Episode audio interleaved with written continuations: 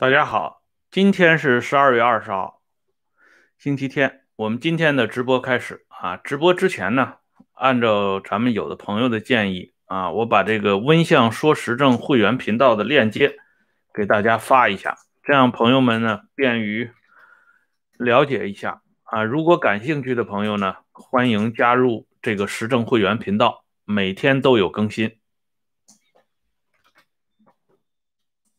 以往发布呢都是在节目的收尾处，所以有些朋友提出来那样的话呢，呃，他们看的不够及时，呃，建议发布在节目的开头之处。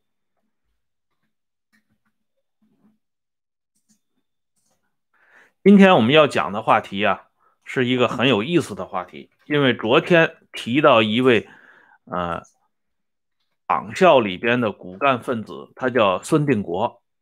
啊，他是怎么样被那位号称是天下第一好人的艾思奇副校长给搞垮的，以至于孙定国在他的遗书当中还专门提到了艾思奇的名字。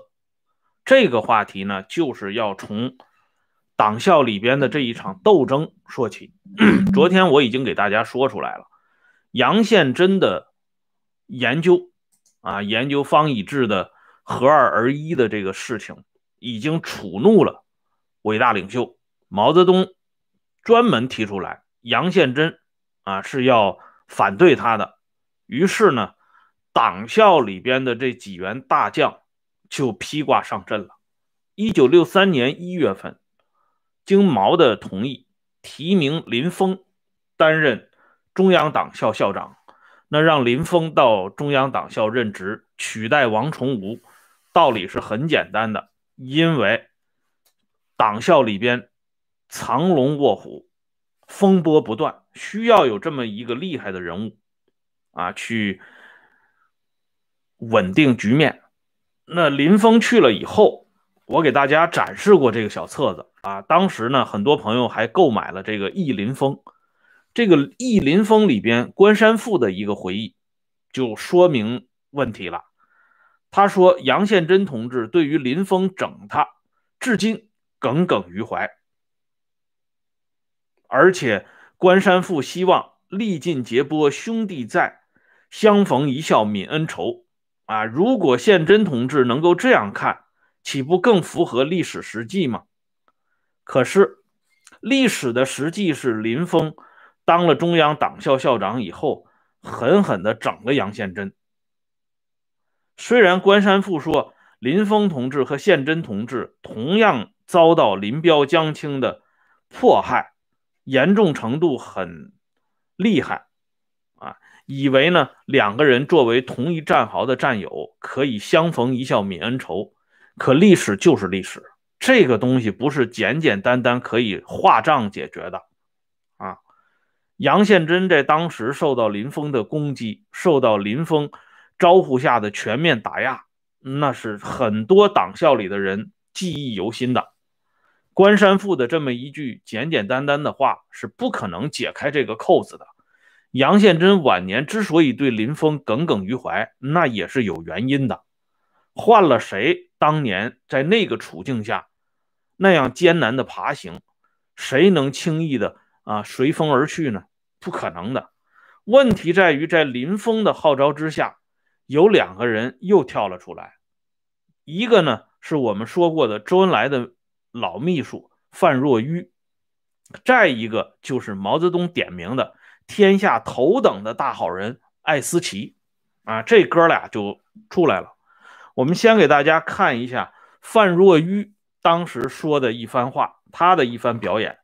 范若愚呢是从六十年代中期长达三天的。全校大会上，在政治上对杨宪珍进行全面批判，他专门做了一个报告。这个报告的题目居然有三十多个字，关于中共中央高级党校党委一九五九年批判杨宪珍同志和杨宪珍同志进行翻案的情况介绍，讲了三个半天儿啊，口若悬河，滔滔不绝，把这杨宪珍给骂的啊是狗血喷头。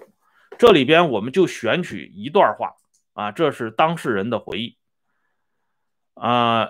范若愚是这么说的啊，我给大家念一下。范若愚说：“杨宪真，你今年六十八岁，比我大十六岁，你肯定活不过我。只要你活一天，我就要跟你斗争到底。”这是指着杨宪真的鼻子说的这番话。但是历史啊，很喜欢捉弄人。这个范若愚还真没有活过杨宪真，所以呢，他没有跟杨宪真斗争到底，他先于杨宪真而去了。而这个范若愚后来一直到了一九七七年，他还坚持这套观点，直到一九七九年风向变了，因为一九七九年康生给端出来了，啊，被彻底给批臭了。这样呢？范若愚赶紧在一九七九年十月份的《红旗》杂志上，把这一切责任推给了康生，说是康生逼迫他这么干的。实际上，后来有当事人做过专门的回忆，说这范若愚不仅在中央党校啊布置批判杨宪珍，后来范若愚调到就是兼任《红旗》。杂志的副总编辑的时候，在红旗这个阵地上，也在部署批判杨宪珍，可以说是非常卖力气。范若愚这么做的同时呢，这大好人艾思奇也出来了。这艾思奇这个人啊，要说他跟伟大领袖的关系可真的不一般啊。我们看一下当初，呃，一九三八年。一月十二号，伟大领袖给艾思奇写的一封短信：“思奇同志，我没有鲁迅全集，有几本零的《朝花夕拾》也在内，啊，都找不见了。军事问题我还在研究，但文章暂时不能发表。哲学书多研究一会儿再写更好些，但不急于眼前几天。” 梁漱溟来了。可以去找他谈一谈，有空可以到我这里谈一谈，但请在星期一、星期五两天以外的晚上敬礼。一月十二日夜，啊，这个领袖当年就是用这种平等和蔼啊，甚至带那么一丁点的这个敬慕的口气给艾思奇写信的。所以毛泽东后来有一句名言，他说：“让我看的话。”艾思奇不是天底下第一好人，也是第二好人，啊，就这么夸这个艾思奇的。夸了艾思奇之后呢，艾思奇也真没有啊辜负领袖的期望，他把这个炮口呢集中对准了杨宪珍的爱将孙定国，他主要整这个孙定国。孙定国这个人说起来跟薄一波的关系还挺深的。他是最早加入薄一波领导的山西这个西盟会的，后来孙定国做到太岳军区副司令员，也是跟薄一波搭班子。薄一波是太岳军区的政治委员，本来孙定国可以在军队的这条路上走得很远，可是呢，后来给调到马列学院了，从此就掉到坑里去了。这职务呢，一直也提不上去。就是个厅局级干部，按照孙定国这老资格，太岳军区副司令员，一九五五年要是正经授衔的话，最低级别也应该给个少将。啊，可是呢，他在中央党校的这个风波里边，却直接给卷出去了。最后呢，他在十二月十九号这一天被迫提前离开人世。离开人世之前，他写了一封遗书。这封遗书呢，还是公开披露了。开头呢，他就说，离开这个正在向着共产主义前进的世界，他的心还是向着伟大的党、伟大的毛泽东同志的。他留下一本某某某同志在一九五九年去河南的讲话，请中央审查，看看那是修正主义还是毛泽东思想。生前是不敢讲的，缺乏应有的勇气。因为谁批评某某某同志，就像是批评主席一样，这显然是不正常的。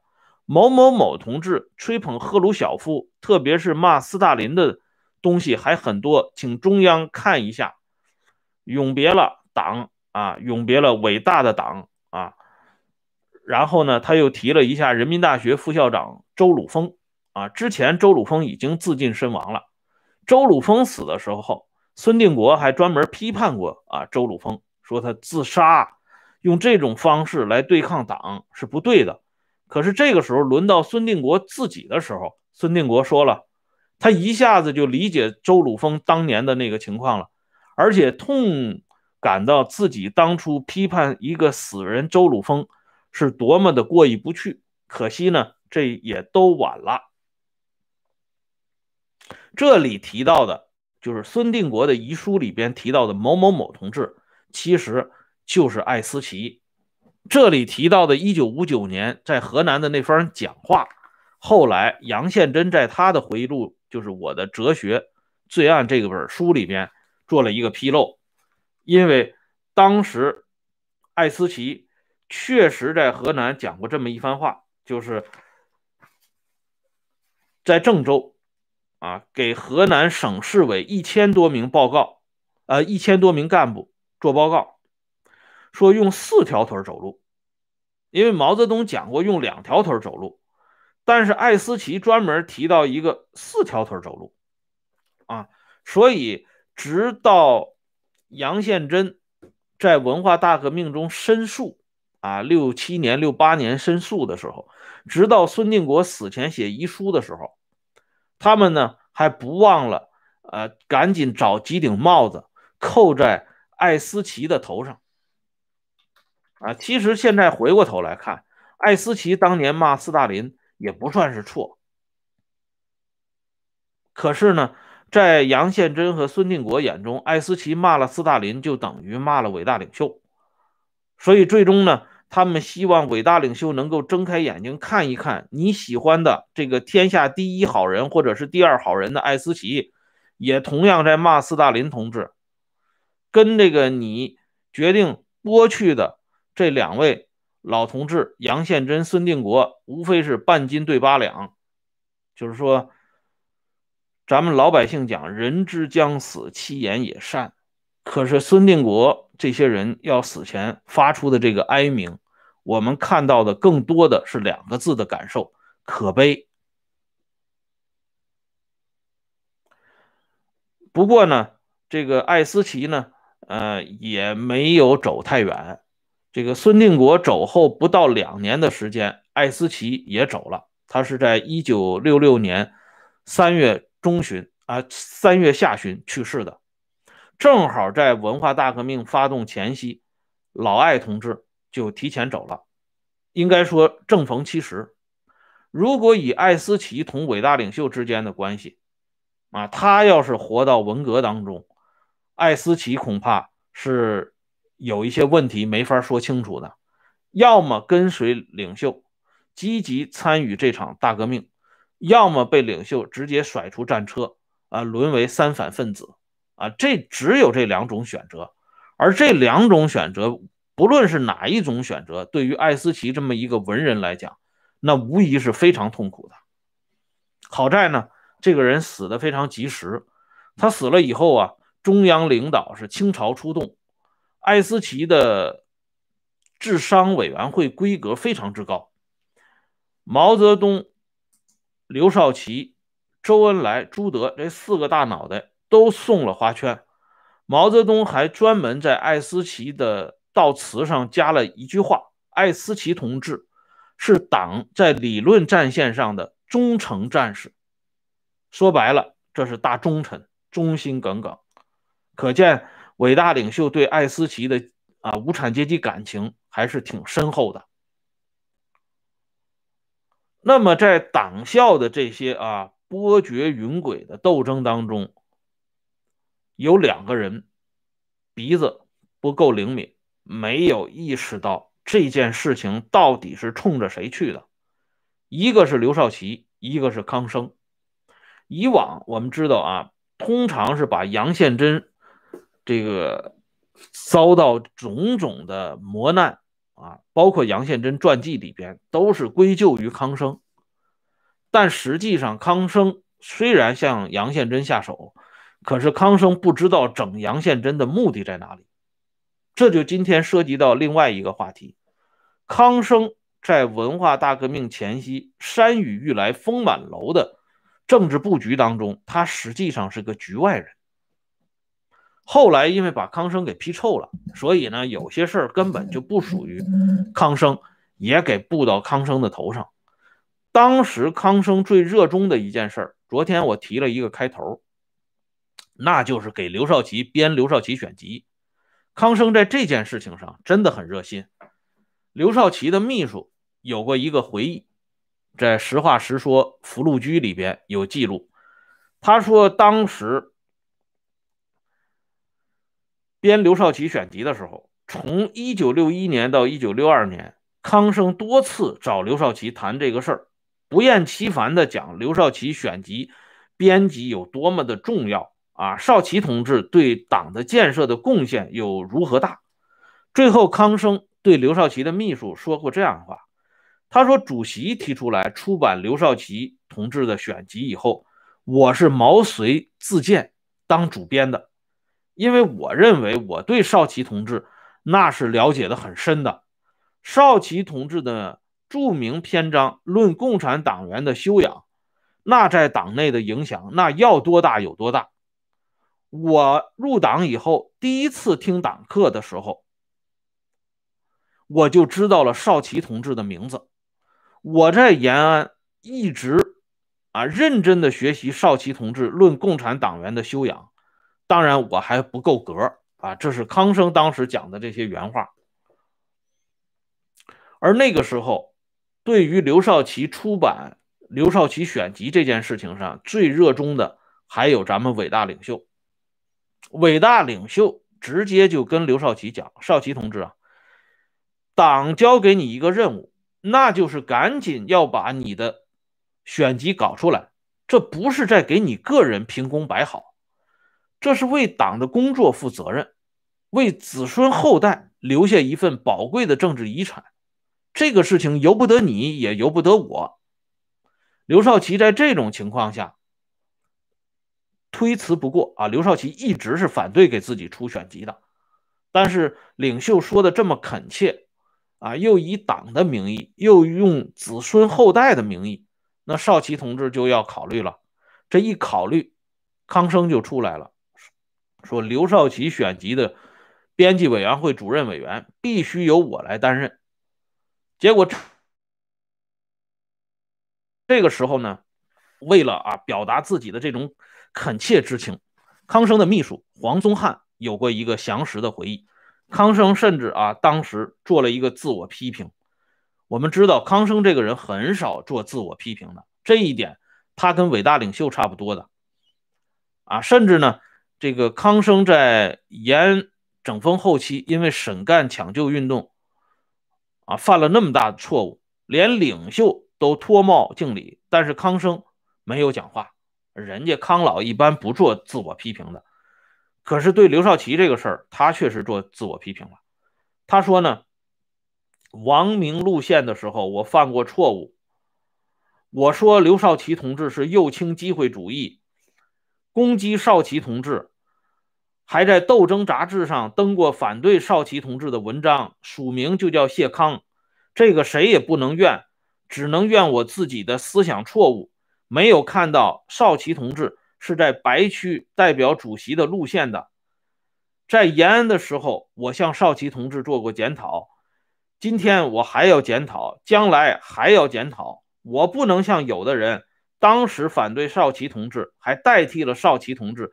一点也不做检讨，啊！你看康生非常恳切。就在这个时候，咱们敬爱的恩来同志啊，见缝插针。康生当时不是说吗？不像有的人当时反对你，还代替了你，一点检讨也不能做啊！周恩来马上插话，那就是洛甫同志啊，那就是张闻天嘛！哎，赶紧向张闻天扎了一刀啊！这就是咱们的恩来同志，见缝插针。啊，非常厉害，啊，既安抚了康老，啊，也向这个死老虎洛甫同志来了这么一刀，反正两边都不得罪。康生在这种情况下这么恳切，这刘少奇呢，真的是信以为真了。用咱们老百姓话讲，啊，拿个棒槌就当真了。他呢自己做了一个讲话，这讲话的大意就是说，我的著作没什么神奇的，啊，大家现在说我的著作学习怎么样怎么样，那都不值一提。但是《论共产党员修养》这篇文章，我确实没想到。发表以后呢，在国际上也有了一些影响，一些兄弟党也把它翻译成各种文字进行介绍。如果要重新呃做我的选集的话，那就选这么一篇《论共产党员的修养》吧。呃，少奇同志应该说还挺谦虚的，可他哪知道，就他这篇《论共产党员修养》，日后在伟大领袖同斯诺他们谈话当中。领袖最痛恨的就是这论共产党员修养。共产党员是革命战士，革命不是绣花啊，讲不得温良恭俭让，不要那么雅致。哎，革命就是要在地主小姐的牙床上滚一滚。哎，所以共产党员要什么修养啊？所以在文化大革命当中，批判刘少奇的共产党员修养。其实也就在这里，哎，只是少奇同志呢，完全没想到人家给他挖好了坑，他利利索索的就跳到了坑里。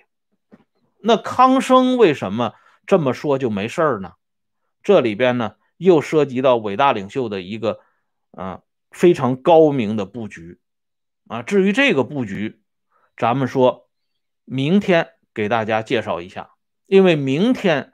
掉进领袖布局的这个坑里的人，可就不仅仅是刘少奇和康生了，还有那么一位江湖上人送外号“龙头大哥”的人物。好了，今天呢，咱们话题就说到这里，感谢朋友们上来收看，咱们明天接着聊，再见。